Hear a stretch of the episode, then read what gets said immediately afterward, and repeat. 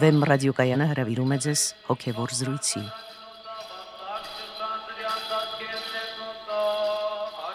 Սիրելի ունկնդիրներ, Վեմ ռադիոկայանի եթերում են արժանապատիվ Տեր Մեսրոպ Քահանա Արամյանը եւ Արա Սարգսակ Նալչաջյանը։ Այսօր մենք կխոսենք Աստծո ներկայության մասին։ Օրհնեցեք Տեր հայր։ Աստված օրհնի։ Տեր հայր Սուրբ Գիրքը սկզբից իսկ խոսում է Աստծո ներկայության մասին։ Այսպես օրինակ արարչագործության ժամանակ խոսելով Աստծո հաջորդական քայլերի մասին առարչական հստակորեն կարելի է նշмарել դա։ Նաև Եդեմի պարտեզում, նաև հետագայում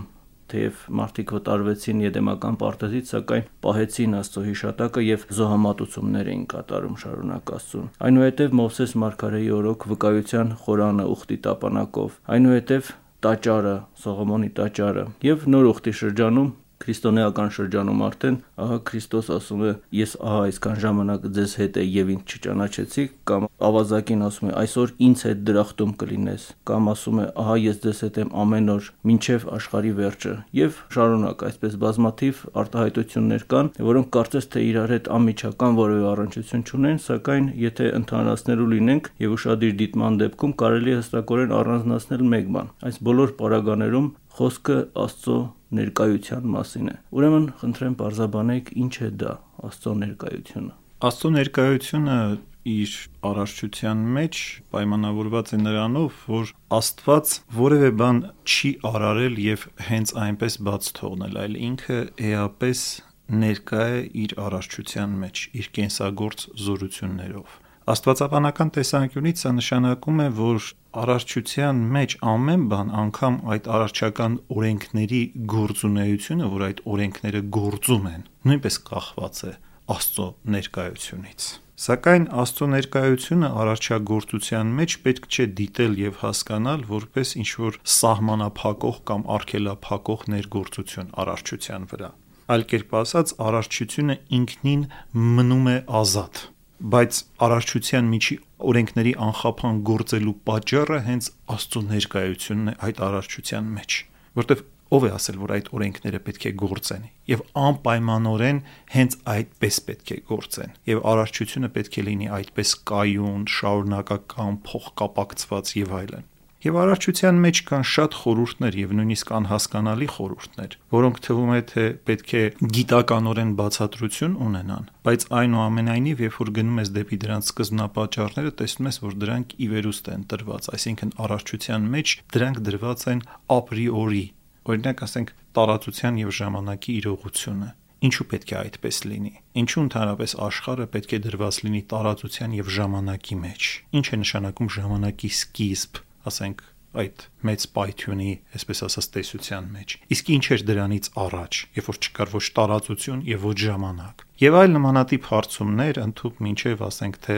այդ ֆունդամենտալ կամ հիմնարար մասնիկների այդ գաղափարը քվանտային դաշտի տեսության մեջ եւ այլն, այսինքն մենք գնում ենք եւ հանգում ենք որոշակի ապրիորի սկզբունքների, որոնք դրված են առարչության մեջ ի սկզբանե եւ չես կարող ասել ինչու են դրված, պետք է ուղակի դրանց հետ դու աշխատես եւ դրանցով դու կառուցես քո պատկերացումները աշխարհի մասին։ Եվ այլն, այս ուղությամբ իհարկե շատ չծավալվենք։ Աստված ներկա է իր առարչության մեջ, բայց Աստծո այդ ներկայությունը ինքնագիտակցող միակ էակը այդ արարչության մեջ, որը նաև միկրոտիեզերքն է, մարդն է, այլ կերպ ասած, Աստծո ներկայությունը արարչության մեջ արտացոլված է մարդկային իրողության մեջ, մարդով է դա պայմանավորված։ Եվ շատ հետաքրքրական է այս, որովհետև մարդը լինելով միկրոտիեզերք, այսինքն խտացումը աստվածային արարչագործության, համաձայն Սուրբ գրքի վկայության նաև Աստծո նմանությամբ է արարված Այսինքն Աստծո ներկայությունը արդեն արարչության մեջ ոչ միայն Աստվածային զորության ինքնին ներկայությունն է, այլ նաև մարդու ներկայությունն է մարդովել է Աստված ներկա։ Իր պատկերով եւ նմանություն հանդիսացող մարդով, այո։ Իր պատկերով նմանությամբ հանդիսացող մարդու, բայց նորից ու նորից մարդը այն էակն է արարչության մեջ, այն բանական հողեղեն կարելի ասել, էակն է, որը իր մեջ խտացնում է եւ նյութականը, եւ հոգեվորը, եւ միևնույն ժամանակ ինքը Աստծո ներկայությունը ինքնագիտակցող եւ այդ պատկերը կրող էակ է։ Սա ամենակարևոր հանգամանքն է, ոչ թե որտեղից մենք գիտենք Աստծո ներկայությունը ներկայության մասին։ Եթե մենք ճունենայինք դրա բնածին չափանիշները մեր մեջ դրված, ինչպես պետք է ապրենք այդ ներկայությունը, ինչպես պետք է փոխհարաբերվենք Աստծո հետ եւ այլն։ Սրանք են ամենակարևոր հասկացությունները, երբ որ մենք խոսում ենք Աստծո ներկայության մասին, որովհետեւ մենք հիմա կարող ենք շատ խելոք աստվածաբանական դատողություններ անել եւ պնդումներ կատարել, որ Աստված ներունակ է, այսինքն ամենուր ներկա է, ամեն ինչ լցնում է իր արարչության մեջ, այսպես լիքը աստվածաբանական արտահայտություններ կասենք։ Բայց այս աստվածաբանական արտահայտությունները, երբ որ մենք իրար հետևից ներկայացնենք մարդկանց, մարդկանց մոտ բնական հարց է առաջանում՝ հետո ինչ։ Այսինքն ինչպես ենք մենք դա զգում մեր կյանքում եւ ինչպես պետք է հասնենք դրան այսինքն ինչպես պետք է միավորվենք եթե աստված էապես ներկա է ապա ինչու մենք չենք զգում այդ ներկայությունը երբեմն? Ինչպես է պատահում որ երբեմն մենք զգում ենք? Ինչու ենք այդ զգացողությունը արագ կորցնում? Իսկ ոմանց մոտ էլ դա սկսում է շարունակական բնույթ ստանալ եւ մարդիկ հասնում են արդեն սրբության աշճանի այսինքն կենթանի զրուցակցություն ունեն Աստծո հետ այս սրանք շատ կարեւոր խնդիրներ են եւ առավել հուզող մարդուն Դե դուք խոսեցիք մարդու կողմից Աստծո ներկայությունը զգալու կամ ճանաչելու մասին։ Օրինակ, հին ուխտում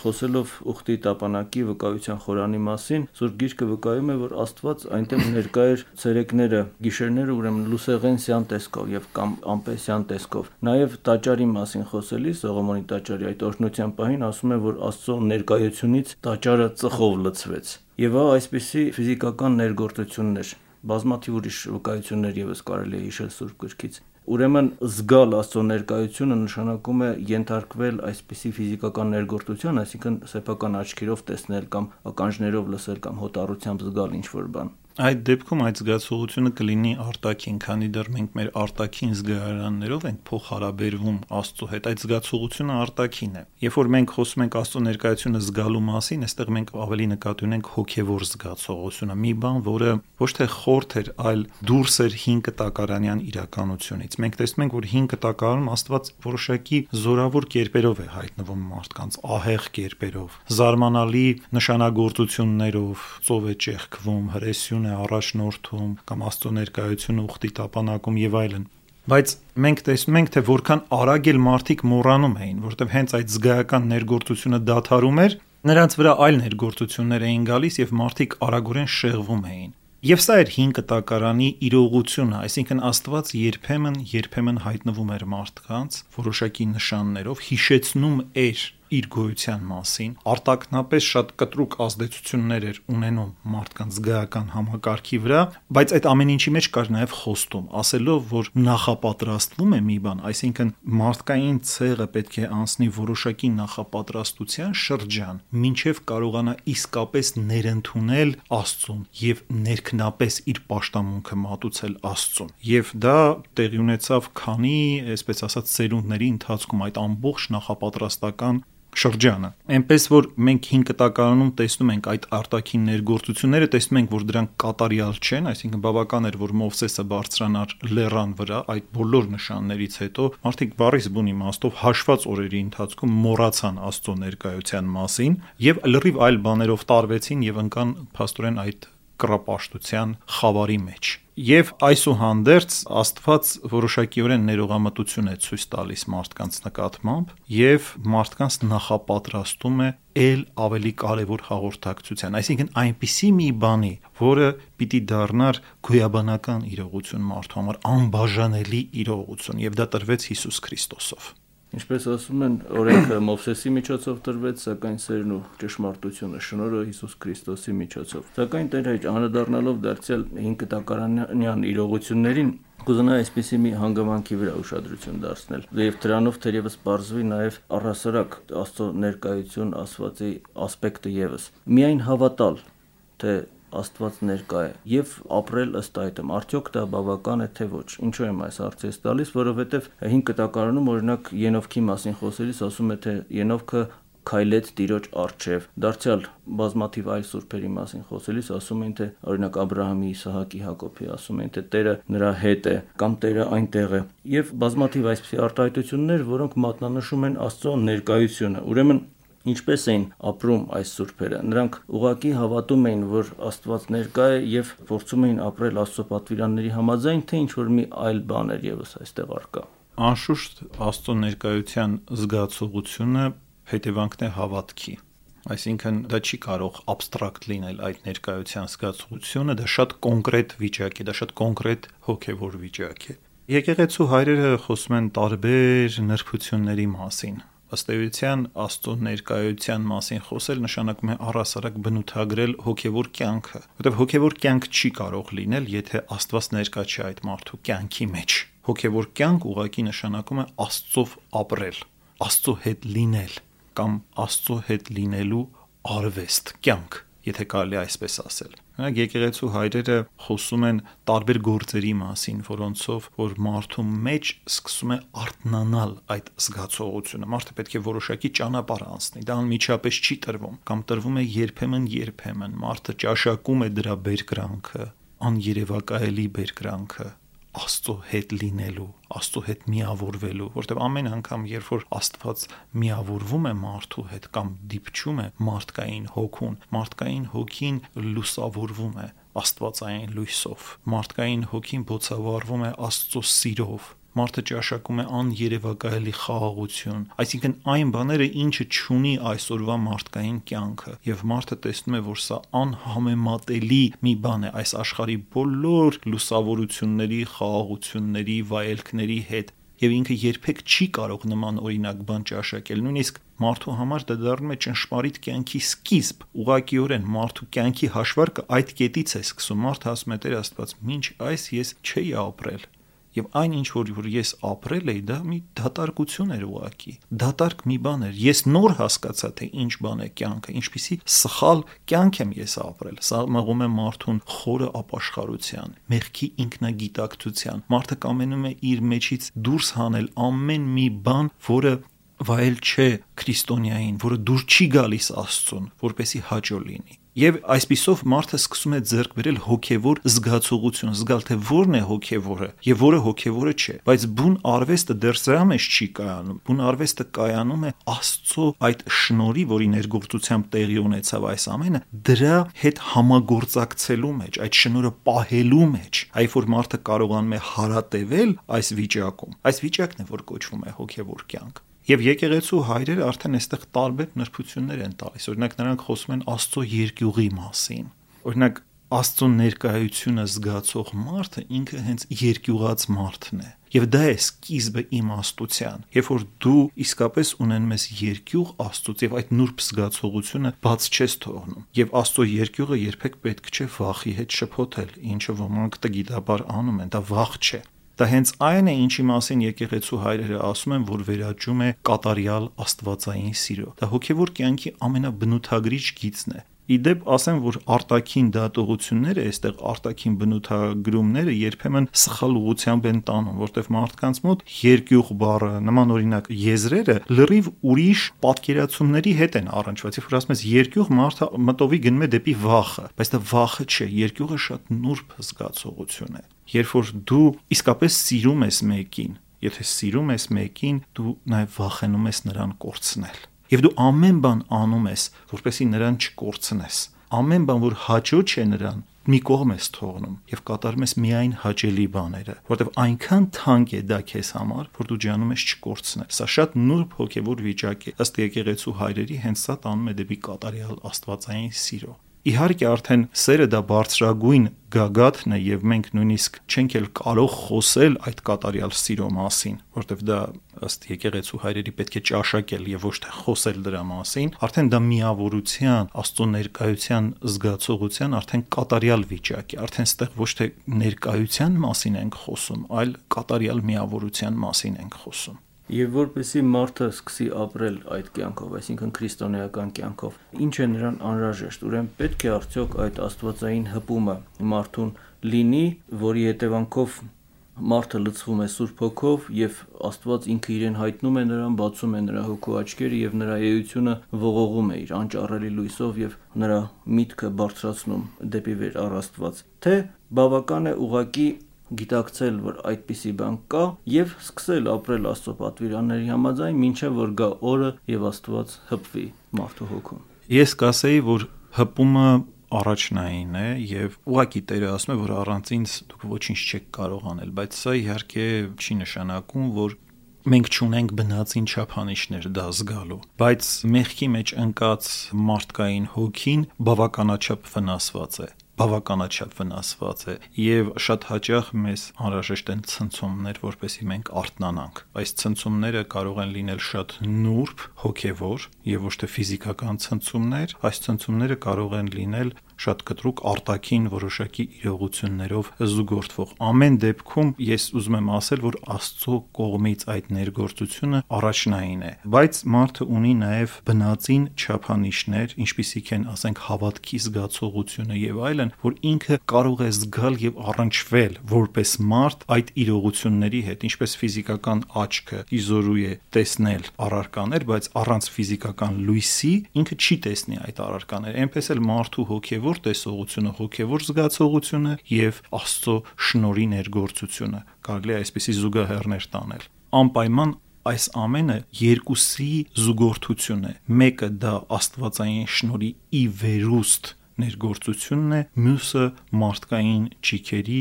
ի ներքուստ գործունեությունն է։ Ուրեմն միշտ պետք է Աստվածային շնորհը եւ մարդկային ճիքը իրար հետ զուգորդված լինեն։ Իհարկե մենք չպետք է չափազանցնենք որևէ բան, հասկանալով, որ մեր մարդկային ճիքերը ունեն սահման, վերջավոր են այդ մարդկային ճիքերը եւ վերջո մենք գործ ունենք անսահմանության հետ անբովանդակելիի հետ, անժամանակի հետ, մի բանի հետ, որը վեր է ընդհանրապես մարդկային բնության սահմաններից։ Եվ այս առումով մենք երբեք չպետք է գերագնահատենք այն ամենը, ինչ որ որ մենք անում ենք այլ խոնարհաբար մենք պետք է շարժվենք հավատքի ճանապարհով։ Ընդ որում ինչքան որ մենք խոնարհվում ենք, այնքան մենք ավելի բարձրանում ենք հոգևոր ճանապարհի իրողությունը սա է, որպեսի բարձրանաս նախ պետք է խոնարհվես։ Բայց եթե դու փորձեցիր ինքդ քեզ բարձրացնել կամ ինքդ քեզ համարել բարձր, դու գլորվում ես արդեն անդունդը, սա է հոգևոր ճանապարհի բուն օրենքը։ Դե չէ, դուք ասացիք, որ մարդը, եթե իսկապես սիրում է Աստծուն, ապա չպետք է անի այնպիսի բաներ, որոնք Քրիստոսին հաճելի չեն։ Եվ իսկապես Քրիստոս մեզ համար օրինակ է մեր քրիստոնեական կյանքում, եւ ինչ է դա նշանակում, այսինքն պետք է մենք անենք այն, ինչ կաներ ինքը Քրիստոս, այս կամ այն իրադրության մեջ, թե անել այն, ինչը Քրիստոս կուզենար, որ մենք անենք տվյալ իրադրությունը։ Իհարկե, անել այն, ինչ կաներ Քրիստոսը, նշանակում է իսկապես ունենալ լուրջ քրիստոնեական գիտակցություն եւ փորձել իրագործել այն ամենը, ինչ որ ասված է ավետարանում եւ ինչ որ ասված չէ, չէ՞ որ ավետարանական խոսքերը նաեւ ունեն շարունակություն մեզ համար շարունակություն ունեն։ Եվ այդ շարունակությունը մենք տեսնում ենք նաև եկեղեցու հայրերի կյանքում իրագործված, եկեղեցու այս դարավոր փորձառության մեջ իրագործված։ Դրանք շարունակությունն են ավետարանի որովհետև ավետարան դա նշանակում է Սուրբ Հոգու կենթանի ներգործությամբ գրված գրված, բայց Սուրբ Հոգին երբևիցե չի դադարել գործելուց արարչության մեջ շարունակում է գործել։ Հետևաբար կա նաև Քրիստոսի խոսքերի շարունակություն ինչ որ առումով։ Եվ Աստված ժամանակ առ ժամանակ հայտնվել է մարդկանց եւ ցույց է տրվել իր կամքը։ Բայց մյուս կողմից Քրիստոսանմանությունը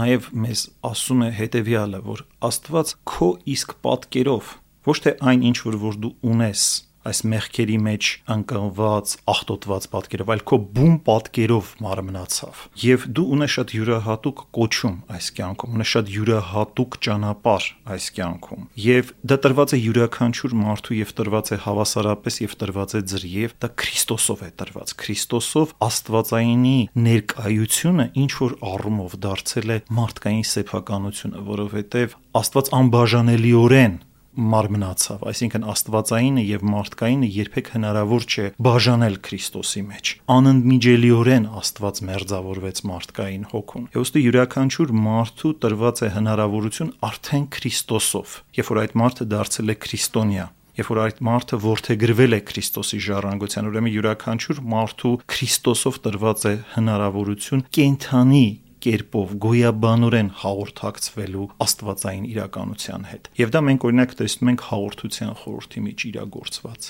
Այնինչ վեր է մարդկային բնության սահմաններից, այնինչ վեր է մեր կարողություններից եւ ընկալումներից, մենք դա ճաշակում ենք հաղորդության խորհրդի ժամանակ։ Ուղղակիորեն միավորվում ենք աստվածային զորությանը։ Շնորհակալություն Տեր հայր, թույլ տվեք սրանով եզրափակել մեր այսօրվա զրույցը Աստծո ներկայության մասին։ Օրհնեցեք Տեր հայր։ Աստված օրհնի։